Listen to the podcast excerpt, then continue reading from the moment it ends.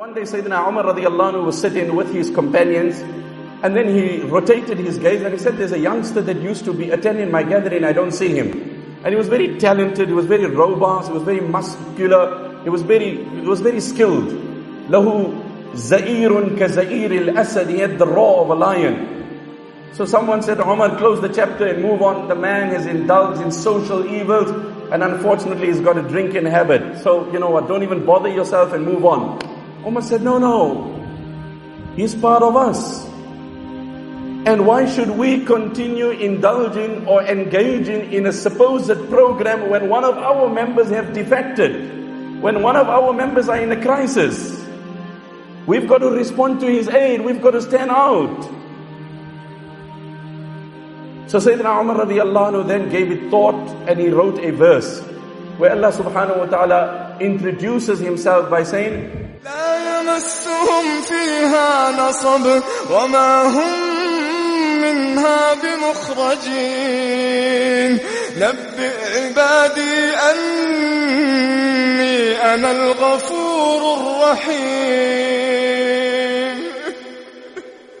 نبئ عبادي أني أنا الغفور.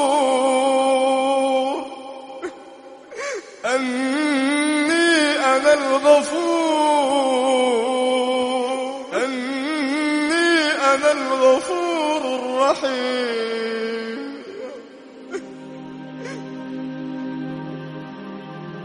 Allah is one who pardons, who accepts repentance, yet full of might and authority. Sayyidina Umar radiallahu anhu writes from Umar to so and so, writes this ayah, and then he gives it to a person, and he says, do me a favor, go to this particular brother of mine who unfortunately is in this crisis. If I have to discover that so and so has fallen, that's the gossip, that's the social, it's just excitement, it's just, you know what. Sayyidina Umar halted his program, got them activated, mobilized his team, captured this in writing, tasked one person as an envoy. He said, you take this note and you go and give it to this man. But two things. You give it to him personally. If you don't meet him, you don't give it to anyone else. This is confidentiality. This is confidentiality. We need to trust and respect that. Number one. Number two, you give it to him when he's sober and he's in a state that he can read it. If you find that unfortunately he's not sober, he's not in his senses, then you wait till he recovers and when he's in a good state, you drop him the note. The envoy takes this note, light as it is, laden with prayer and supplication, brimming with concern and worry.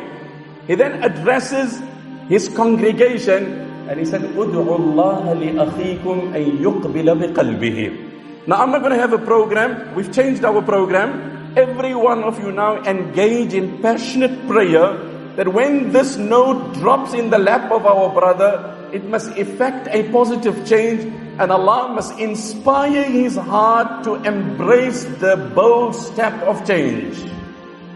So it's just not a lousy SMS, it's just not a simple text, it's just not sending an email. It's, it's filled with meaning. فَلَمَّا بَلَغَ الرَّجُلَ كِتَابُ عُمَرْ When the note of Umar falls in the lap of this man, جَعَلَ يَقْرَأُهُ وَيُرَدِّدُهُ وَيَبْكِي He started reading it, reflecting, introspecting and tearing. And he said, Umar, I salute your vision. I salute your choice. What a verse from the entire Quran. You're giving me hope and you're chastising me. You're inspiring me with, with a glamour of hope and you're rebuking me. نزع فأحسن النزع He then repented and became one of the most rehabilitated youth Medina had ever seen. And then Sayyidina Umar said, my lesson for today is this, إذا رأيتم أخا لكم زل زلة